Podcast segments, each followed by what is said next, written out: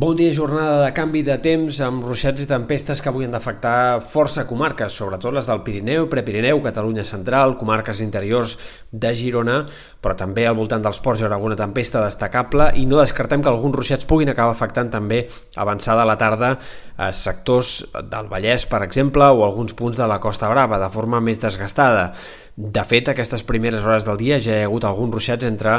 les Terres de l'Ebre i el Camp de Tarragona i aquest matí també es podria escapar alguna gotellada fins i tot a la costa i peritoral central, encara que serien fenòmens puntuals i molt testimonials. La jornada d'avui no serà un inici d'un canvi de tendència, sinó més aviat un parèntesi eh, perquè de cara als dies vinents, aquest divendres, dissabte i diumenge, el temps estable ha de tornar a predominar.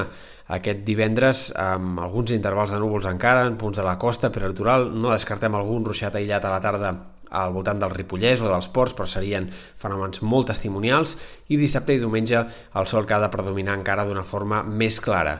Eh, potser entre dimarts, dimecres de la setmana vinent tornin a aparèixer eh, alguns ruixats i un temps una mica més canviant o variables sense que a hores d'ara hi hagi indicis de cap gran situació de tempestes extenses o abundants. Pel que fa a les temperatures, el canvi de temps d'avui no provocarà una refrescada, sinó que més aviat el que esperem per l'inici del cap de setmana és una calor més intensa. Demà pujarà el termòmetre i dissabte més que demà. Esperem sensacions tèrmiques al voltant dels 35 graus, màximes de fins a 37-38 en comarques d'interiors i, per tant, una calor purament canicular que marcarà l'inici del cap de setmana i segurament encara bona part de la setmana que ve, tot i que probablement la temperatura baixi una mica entre dilluns i març de la setmana vinent, però tot i així la idea en general de la pròxima setmana és que seguirà fent una calor purament d'estiu, potser no amb temperatures extremes, o segur sense unes temperatures extremes, però sí encara amb, unes, amb uns valors que segurament recordaran més a l'inici de l'agost que no pas al tram final del mes.